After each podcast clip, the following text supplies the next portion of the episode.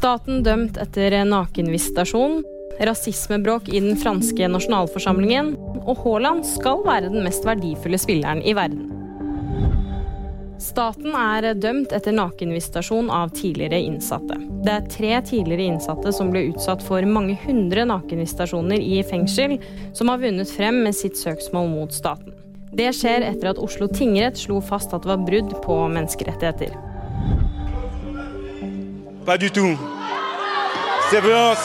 Et møte i den franske nasjonalforsamlingen ble torsdag avbrutt etter at en ytre høyrepolitiker ropte 'la dem reise tilbake til Afrika'. Det melder NTB. Setningen ble ropt mens en svart parlamentariker snakket om flyktninger som sitter fast på et redningsskip i Middelhavet. Flere politikere krever nå harde straffetiltak mot eh, Gregorie de Fournas, som var politikeren som ropte. For første gang blir Erling Braut Haaland vurdert som den mest verdifulle spilleren i verden på Transfermark sin liste.